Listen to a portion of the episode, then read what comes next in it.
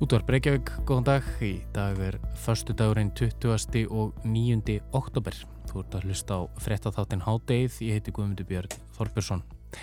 Populismi og þá kannski sérilegi svo kallar þjóðverðnis populismi er orð sem við höfum átt heirt á síðustu árum og íslensku er þetta orð stundum kallað líðhyggja og hefur verið fyrirferðað mikið í stjórnmálum Vesturlanda í kjölfar efnahagskreppunar 2008 og flótamannakrísunar svo kalluðu 2015.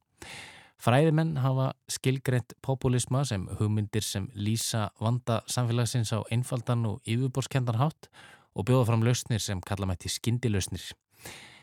Stjórnmála skoðanir í anda populisma draga upp mynd af stjórnmálum sem baráttu tvekja abla eins og framkemur í svari vísindavefsins. Það er að segja baráttu hins venjulega fólks við aðila í valdastöðum sem heyrða lítið um hagsmunni fólksins. Þá drefur populismi líka upp þá mynd að fólkið innan gesalappa sé samstæður hópur og hún gefur takmarkaðan göma þeirri staðrendað einstaklingar í samfélaginu hafa oft á tíðum ólíka hagsmunni og ólíka sín á stjórnmálinn. Eiríku Bergmann Einarsson, professor í stjórnmálafræði, hefur rannsakað populisma og þjóðarnisíkju meðal annars. Það var að gefa út nýja bók, Þjóðar ávarpið og um þessa bók segir þjóðarnisauðmyndir populismi, upplýsinga óreiða og samsæðiskenningar af ýmsu tægi hafa verið áberendi í samtímanum í þjóðfélagsumræða á Vesturlundum og raunar um allan heim en ræðurnar líka mun dýbra. Hvað eru valdið þessari þróun og hvert stefnum við? Við komast að því síðar hluta þáttarins þegar Eirikur Bergman sest niður með okkur og ræðir um þetta sívaksandi fyrirbæri, populisma.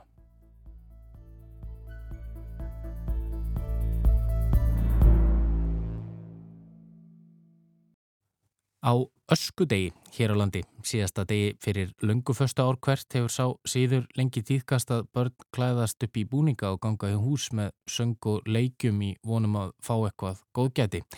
Þetta var árlegu viðbröður þegar ég var allast upp eh, og viðbröður sem eh, fylgdi tölverð tillökun. En í dag hafa Íslensk börn tvö tækifæri til þess að gera þetta því rekjavakan er komið til að vera hér á landi. Íslensk börn eru byrjað að klæðast upp í búninga, flakka á milli húsa og byggja um grikkaða gott og í vikunni greindi vísir frá því að sala á graskerjum hefði fjórfaldast í verslunum krónunar frá árinu 2017. En Reykjavaka, hvað er nú það til að örskýra þetta fyrirbæri fyrir okkur á förstu degi er Alli Fannar Bjarkarsson komin inga í stúdíu og velkomin Alli. Já, blæsaður.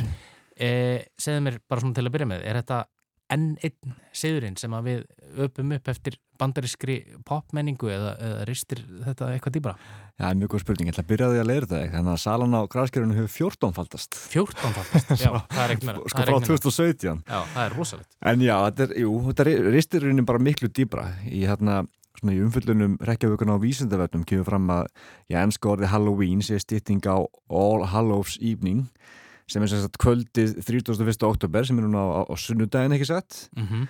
og sem er sérstaklega svona vakan fyrir allra heilagra messu sem er svona tilenguð píslarvottum kirkjunar og allra heilagra messa var uppalega haldinn hátileg 1. mæ hvers ás en dagsinning hennar var farið yfir á 1. november svona til að skipta út heiðnum hátum sem voru haldnar og þetta var að gerast bara já, fyrir aldabotinn 1000 Mm -hmm. 800 og eitthvað en svo er góð, góð ástæða fyrir því að rekjavegan er svona hrollvikandi hátíð uh, fyrir mörg hundru árum þegar ástíðna voru bara tvær það er svona voru talda bara tvær, vetur og sumar það voru mánaðamótin oktober og november, svona tími vetrar byrjunar þegar, þegar kuldin og myrkri tóku við og jörðin sopnaði og svona dauðin dauðin ríkti, svona náttúrann dó. Myrkrið færist yfir. Já, og á þessum tíma heldu Írar og reyndar skotar hátið hinn að dauðu sem var kölluð uh, samhein, ég veit ekki alveg hvernig að byrja þetta fram en við köllum í, dag Halloween eða Reykjavöku og við upphaf vetra var nefnilega tímabil þar sem fólk átt að geta skinnja svona handan heima, sé drauga og alva og, og jafnvel spáð fyrir um framtíðina.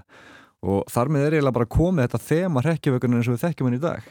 Ummitt, en hvaðan kemur þessi, svona því vorum að tala um graskerinn og þessa auknu sölu graskerja, hvaðan kemur það? Sko þau, sko graskerinn koma frá bandaríkjunum en mál er ekki alveg svo einfalt því að rekjavökunni í Írlandi í, í gamla daga þá myndaðist hefð að, að koma fyrir kertum í, í útskórnum næpum. En, en á sama tíma voru skotarnir bara svona kveika í, í bálkesti. Og þegar Írarnir og skotarnir sildu svo yfir hafið til bandarækjana í, í leita betra lifi þá, þá funduður þessi graskir og sá bara að þau hendu bara miklu betur en næpurnar í þessar útskortnu, í, í þessar listir. Og stærri og einfaldar að skera út. Þannig að graskerinn svona tóku við og, og eru orðið núna bara já, tákn hrekkjavökunar í bandreikinum og, og bara í heiminum. Emmitt, það er spurning hvort að við hefum getið gert eitthvað eitthvað seipað með kartöblur en líklega ekki, ekki... Svona, Íslenska kartöblan hefur virkilega hendað mjög illa lítil og, og Já, hún er líka ekki Emmitt, já Nei, þetta var slæmum Kanski bökunarkartöflur. Já, en þetta þetta fyrir bara gríkað gott trick or treat sem, a, sem að maður heyrir krakkana segja í bíumundum og byðum nammi. Eh, Þetta lítur á bandarist Já, svona krafanum, já, ekki gott, eins og þetta er orða, trick or treat, þetta er, þetta er vissulega bandarist og, og fyrstu heimildur um, um bara þetta hugtak er að finna í bandaríski bladagrinn frá árið 1927, þannig að þetta er, þetta er eldgamalt, en síðurinn kemur hins vegar frá Breitlandi og 16. öll týrkaðist að fátækt fólk fór út að betla daginn eftir Reykjavíku og síðan tóku bara börnin við keflunum og þá var vinsalt að gefa þeim svona kökur sem voru skreittar með, með krossum í, í skiptum fyrir að þau báðu fyrir fólki mm -hmm. en þegar Reykjavík var svo komið til bandaríkina þykir líklegt, svona mennum, mennum ekki allir sammál um þetta að svona jólasíðu sem kallast belsnikling hafi þróast yfir í, yfir í grikk eða gott mm. grikkurinn var ofta að lemja á glugga eða binda út í þeirra og höfði fastar og fólk svona bauð salgeti í skiptum fyrir að húsið var látið í friði og það var svo ekki fyrir eftir setni heimstyrjöld sem að síðurum var svona almennur í bandaríkunum og það er svona talið að það hefur komið svona með þjættari útkvarfum sem, sem auðvöldari börn, börnum svona að hlaupa milli, milli húsa. En það er gaman að segja frá því að í dag eða bandaríkjumennum þremur miljurum dala í salgætti á hrekkjavökunni og veistu hvað vinsælasta namið er? Um, nei, nei, það get ég ekki. Það, það er hérna Reese's Peanut Butter Cups, netursmjörs mólarnir góðum. Já, sem er einmitt er þeir ekki mynd svona appi svolítið svona eins og graskir? Jú, þeir eru svona í þeim og svo er þeir seldir núna svona, eins og, graskir í lægin og þetta er svona, svona heimildin sem ég las þá var að tala um sko þrjá miljar að dala í, í, í salgætu og megni að þið væri bara Reese's Peanut Butter Cups Einmitt. sem er svolítið magnað, það er ágætið sala. Já, svona megni, það er mjög mikið að því. En nú eru, sko, nú eru Íslensk börn byrjað að gera þetta. Flakkamöllu húsa og, og sníkinami á rækjavögunni en, en hafa þau sko tekið þetta líka upp að, að Eh, já, refsa fólki fyrir að gefa það mikið námið?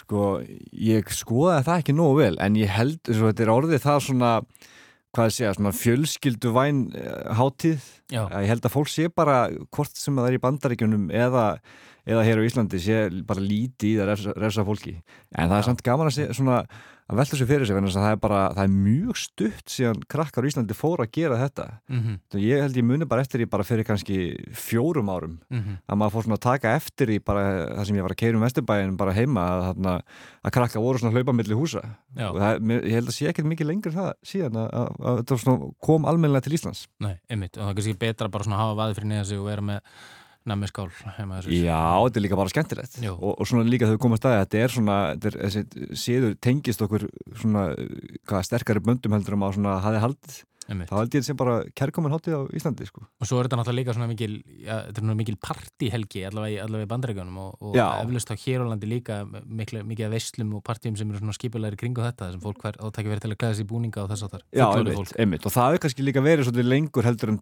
barnaháttíðin mm -hmm. eins, eins og við þekkjum bara á framhaldsskólum svona Halloween böll og, og þannig og Halloween party einmitt, einmitt. ég held að það hafa verið, já, talsveit lengur heldur en, einmitt, en nammið er núna komið til að vera Emita, kæra það ekki fyrir komuna í hádegið allir. Takk. Og hádegið snýr svo aftur strax að loknum hádegis fréttum.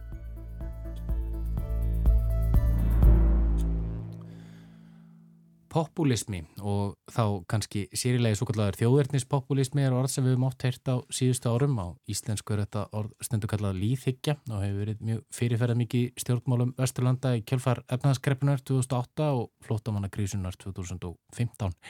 Erikur Bergman Einarsson, professor í stjórnmálufræði hefur rannsakað populisma á þjóðverðnisíkju meðal annars. Hann var að gefa út nýja bók, Þjóðar ávarpið En í lýsingum bókina segir að þjóðverðnis hugmyndir, populismi, upplýsinga óreiða og samsæriskenningar af ímsu tægi hafi verið áberandi í samtímanum í þjóðfélagsumræðu á Vesturlundum og raunar um allan heim, en ræturnar líka mun dýbra. Hvað hefur valdið þessari þróun og hvert stefnu við? Til að svara því enga komin Eirikur Bergman, velkomin Eirikur. Takk fyrir. Um, í þessari bók þá fjallarum þjóðverðnispopulisma sérstaklega. Eh, en þetta eru tveir ólíkir hlutir, populismu og þjóðverðnispopulismi Í raunin er ég að fjalla um það sem ég kalla ný þjóðverðninsíkju sem er svona samsett af þessum af sko populískri útgáfu þjóðverðninsíkjunar og í þessari bók er sko hugmyndir með henni er að breyta er að sko svona veita svona breyða sín yfir bara stjórnmála sögu senustu 50 ára bara senasta hálfa, hálfa öld og en hún er svona sögð út frá þessum um, vingli við sjáum það að sko eftir setni heimstyrjöld er þjóðverðninsíkja algjörlega útskúfið og vesturlöndum. Það er bara sett bara hérna lók ofan á þann pott sem að eiga síður kræmar undir niðri þótt svo að það, við höfum ekki séð það í þessum þjóðfélögum.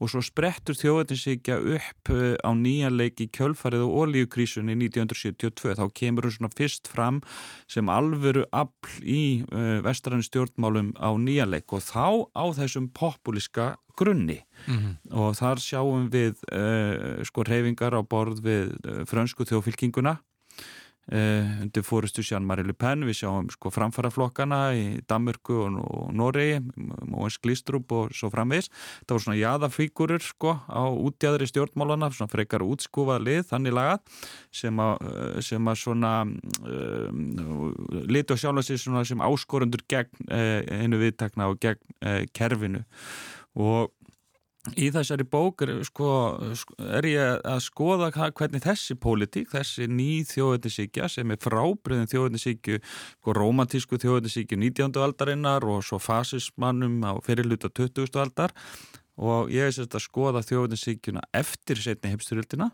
hún hefst þarna og hún fer af stað fyrst á þessum populíska grunni og svo í þessari bók fer ég gegnum þessar stóru krísu, þessar stóru atbyrði sem að hverja sig færir þessa pólitíka áfram. Það er að segja uh, fall Berlínamúrsins, uh, endal á kommunisman sem að uh, þjóðurnis ekki að reysa nýjanleik í kjölfar þess, um, árásin á týpuraturnana, 2001 fjármálakrísuna, flótamannakrísuna og svo mm. núna náttúrulega koronaveiru krísuna en það sem ég veist áhugaverðast við þessa sögu er að e, nýþjóðetinsíkjan á eftir strísárunum, hún hefst á þessum populíska grunni af jæðri, færi smá saman inn í meginströmin og þjóðins populíski flokkar ná gríðalugur í kjölfara fjármálakrísunni og flótamannakrísunni en í allra senustu tíð að þá hafa meginströmsflokkar mm -hmm. mjög víða tekið upp pólitík uh, þjó, þjóðins populistana um, og uh, sumstaðar náða svona skáka þeim út í hotn ekki með því að sigra þá málefnalega heldur með því að stela þeim gleipnum mm. og í rauninni taka yfir stefnu þjóðinspopulistana, þetta við séð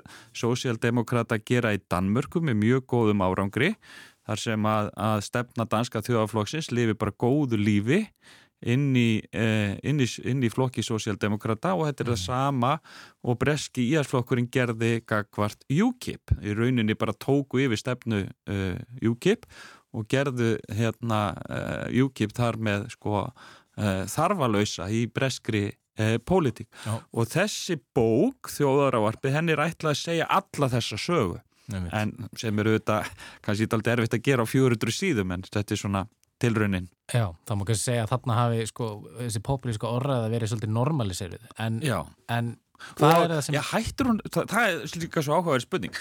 Ef að populísk umræða er ekki lengur áskorandi umræða í jarði, já, er hún þá lengur populísk? Er hún þá ekki bara orðin mainstream? Einmitt, einmitt. En hvað er það sem sko, já, að því að populistar geta verið náttúrulega já. út um allt á, á hennu pólitíska litrói hvað eiga þeir sammeilegt? Hvað er það hvaða orðræðu enginnir, svo maður segja, eru, eru sammeilegt? Þetta er náttúrulega feikilega flókið hugtak og, og, og, og umdelt og, er, og fólk skilur það með alveg ótrúlega mismunandi hætti sko. En það er en, þessi aðgreining mitt í okkar og hinna og þetta Populismi í grunninn, bara í allra, allra einföldustu mynd, þá er populismi pólitík þess að skipta stöðugt á milli góðra og vondra okkar sem tilherum með einhverjum innri hóp sem byrja að vernda og, og sagt, okkur steð, að okkur stæði utan að koma til okn og nota beni þá er það sko, þá eru ekki að tala um hérna mm, það ástand þegar að sko raunverulega er hægt að skilja á milli góðra og vondra og þegar raunverulega stendur að hætta, það er ekki að stilla sér upp, það er ekki populismi sjálfisir, heldur þegar það er sko framleitt í raunum í huga fólks.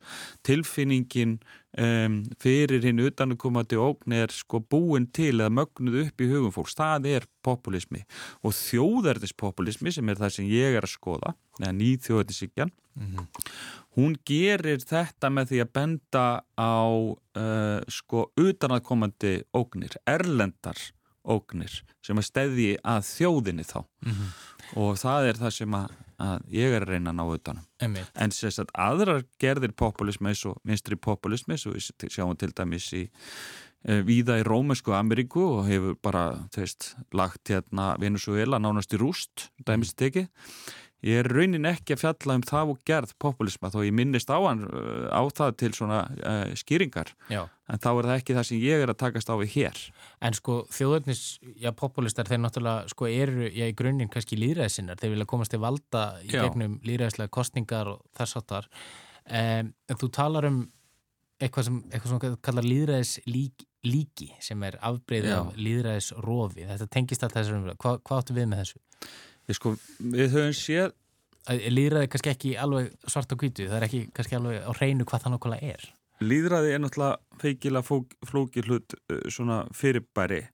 Og þeist ég er í þessari bókurinni bara að segja sögur, þetta er bara svona stór frásögn af stjórnmálasögur senustu hálfrar aldar. En ef það er eitthvað svona undirliggjandi með þessari bók að þá er það kannski eitthvað svona vörd fyrir því frjálslinda lýðræði að benda á hvað frjálslind lýðræði er og, og það er áskoranir eh, og það er atlugur kannski sem hafa verið gerðar gegn einu eh, frjálslinda liðræði og þjóðinspopulistanir þeir eru eh, sko þeir eru ekki andliðræðisleir í merkingunni að þeir ha, sko séu ansnúni því að vilji meiri hlutast ná í fram að ganga. Nefnir.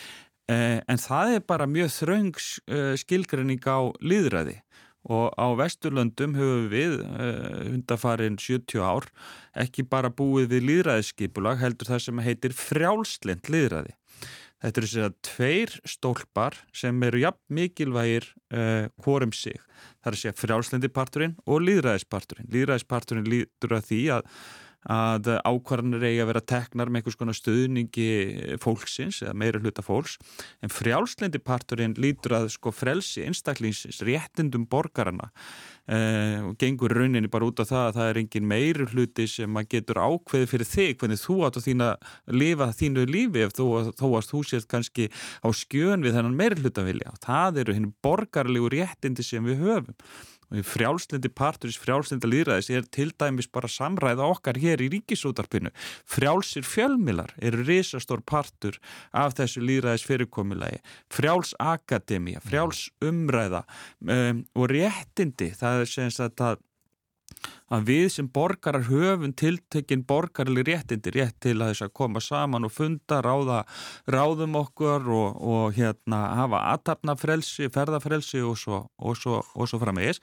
Populismin, hann sko hann ræðst gegn hennum frjálslinda hluta, hins frjálslinda líðræðis en ekki gegn líðræðinu sem sko meiri hluta ræði En það sem þjóðinspopulist að gera mjög gætnan er að stilla eigin leiðtögum upp sem einhvers konar handhafa uh, almannaviljans. Að þeir einhvern veginn skilji almannaviljan betur heldur en aðri stjórnmálum. Nei, veit, við hefum séð þetta gerast náttúrulega út um allan heim í, í, bæði í Evrópi, Ungarlandi til dæmis og, og, svo, og svo náttúrulega í, já, í Bandaríkjunum og, og Brasilíu og sjáum já. þetta víða.